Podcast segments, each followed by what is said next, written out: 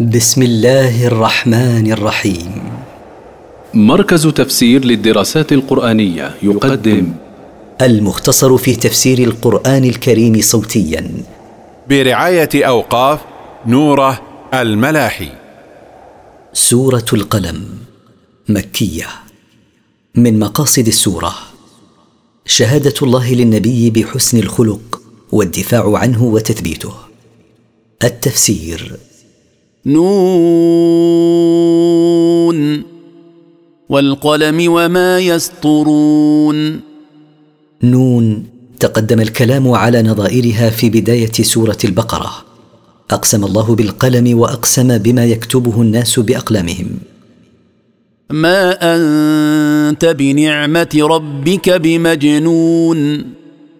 ما أنت أيها الرسول بما أنعم الله عليك به من النبوة مجنونا. بل أنت بريء من الجنون الذي رماك به المشركون. وإن لك لأجرا غير ممنون. وإن لك لثوابا على ما تعانيه من حمل الرسالة إلى الناس غير مقطوع ولا منة به لأحد عليك. وإنك لعلى خلق عظيم. وإنك لعلى الخلق العظيم الذي جاء به القرآن فأنت متخلق بما فيه على أكمل وجه.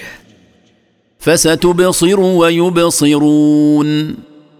فستبصر أنت ويبصر هؤلاء المكذبون. بأيكم المفتون. عندما ينكشف الحق يتضح بأيكم الجنون. إن ربك هو أعلم بمن ضل عن سبيله وهو أعلم بالمهتدين. إن ربك أيها الرسول يعلم من انحرف عن سبيله وهو أعلم بالمهتدين إليها فيعلم أنهم من ضلوا عنها وأنك من اهتديت إليها. فلا تطع المكذبين. فلا تطع أيها الرسول المكذبين بما جئت به. ودوا لو تدهن فيدهنون. تمنوا لولا ينتهم ولطفتهم على حساب الدين فيلينون لك ويلاطفونك. ولا تطع كل حلاف مهين. ولا تطع كل كثير الحلف بالباطل حقير. هماز مشاء بنميم. كثير الاغتياب للناس كثير المشي بالنميمة بينهم ليفرق بينهم. مناع للخير معتد أثيم. كثير المنع للخير معتد على الناس في أموالهم وأعراضهم وأنفسهم. كثير الآثام والمعاصي. عتل بعد ذلك زنيم. غليظ جاف دعي في قومه لصيق. أن كان ذا مال وبنين. لأجل أنه كان صاحب مال وأولاد تكبر عن الإيمان بالله ورسوله. إذا تتلى عليه آياتنا قال أساطير الأولين. إذا تقرأ عليه آياتنا قال هذه ما يسطر من خرافات الأولين. سنسمه على الخرطوم. سنضع علامة على أنفه تشينه وتلازمه. إنا بلوناهم كما بلونا أصحاب الجنة إذ أقسموا ليصرمنها مصبحين. إن اختبرنا هؤلاء المشركين بالقحط والجوع كما اختبرنا أصحاب الحديقة. حين حلفوا ليقطعن ثمارها وقت الصباح مسارعين حتى لا يطعم منها مسكين. ولا يستثنون. ولم يستثنوا في يمينهم بقولهم إن شاء الله. فطاف عليها طائف من ربك وهم نائمون. فأرسل الله إليها نارا فأكلتها وأصحابها نيام لا يستطيعون دفع النار عنها. فأصبحت كالصريم. فأصبحت سوداء كالليل المظلم. فتنادوا مصبحين. فنادى بعضهم بعضا وقت الصباح. أن اغدوا على حرثكم إن كنتم صارمين. قائلين خرجوا مبكرين على حرثكم قبل مجيء الفقراء إن كنتم قاطعين ثماره. فانطلقوا وهم يتخافتون. فساروا إلى حرثهم مسرعين يحدث بعضهم بعضا بصوت منخفض. ألا يدخلنها اليوم عليكم مسكين. يقول بعضهم لبعض لا يدخلن الحديقة عليكم اليوم مسكين. وغدوا على حرد قادرين. وساروا أول الصباح وهم على منع ثمارهم عازمين. فلما رأوها قالوا إنا لضالون. فلما شاهدوها محترقة قال بعضهم لبعض لقد ضللنا طريقها. بل نحن محرومون. بل نحن ممنوعون من جني ثمارها بما حصل منا من عزم على منع المساكين منها. قال أوسطهم ألم أقل لكم لولا تسبحون؟ قال أفضلهم ألم أقل لكم حين عزمتم على ما عزمتم عليه من حرمان الفقراء منها؟ هل لا تسبحون الله وتتوبون إليه؟ قالوا سبحان ربنا إنا كنا ظالمين. قالوا سبحان ربنا إنا كنا ظالمين لأنفسنا حين عزمنا على منع الفقراء من ثمار حديقتنا. فأقبل بعضهم على بعض يتلاومون. فأقبلوا يتراجعون في كلامهم على سبيل العتب. قالوا يا ويلنا إنا كنا طاغين. قالوا من الندم يا خسارنا إنا كنا متجاوزين الحد بمنعنا الفقراء حقهم. عسى ربنا أن يبدلنا خيرا منها. إنا إلى ربنا راغبون. عسى ربنا أن يعوضنا خيرا من الحديقة. إنا إلى الله وحده راغبون. نرجو منه العفو ونطلب منه الخير. كذلك العذاب. ولعذاب الآخرة أكبر. لو كانوا يعلمون. مثل هذا العذاب بالحرمان من الرزق نعذب من عصانا. ولعذاب الآخرة أعظم لو كانوا يعلمون شدته ودوامه. إن للمتقين عند ربهم جنات النعيم. إن للمتقين الله بامتثال أوامره واجتناب نواهيه.